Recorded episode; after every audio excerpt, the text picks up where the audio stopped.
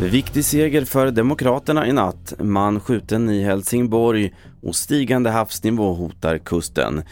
Ja, först till TV4-nyheterna om att i USA behåller Demokraterna majoriteten i senaten i två år till. Det står klart efter att Catherine Cortez Mastos segrade i Nevada mot den Trump-stödda republikanen Adam Laxalt. En stor motgång för republikanerna, det säger Billy McCormack som är expert på amerikansk politik.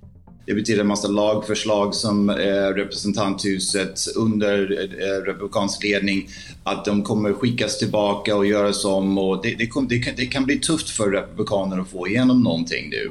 Och definitivt i senaten eftersom Kamala Harris kommer att ha utslagsrösten där.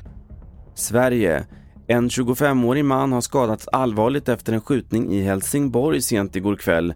Ännu har ingen gripits. Enligt uppgifter till Sydsvenskan är den skjutne mannen känd av polisen sedan tidigare och det finns misstankar om att skjutningen kan kopplas till gängkriminalitet. Händelsen utreds som mordförsök. Det rapporterade Kalle Hedlund.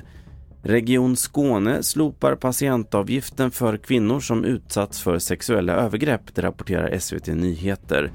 Enligt initiativtagare till förslaget har vissa kvinnor vänt i dörren på grund av avgiften på 400 kronor. Och sist om att i takt med att isarna smälter på Arktis så stiger havsnivåerna, vilket i sin tur leder till ökad nedbrytning. Löderup strandbad i Skåne är särskilt utsatt och nu vill många där att staten tar mer ansvar. Vi hör Rolf Jonsson som är ordförande för samfälligheten.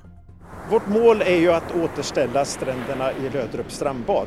Då behövs det ganska många och noga avvägda och utförda åtgärder de kostnaderna klarar inte vi i samfällighetsföreningen, inte våra fastighetsägare och vågar jag säga, inte Ystad kommun heller.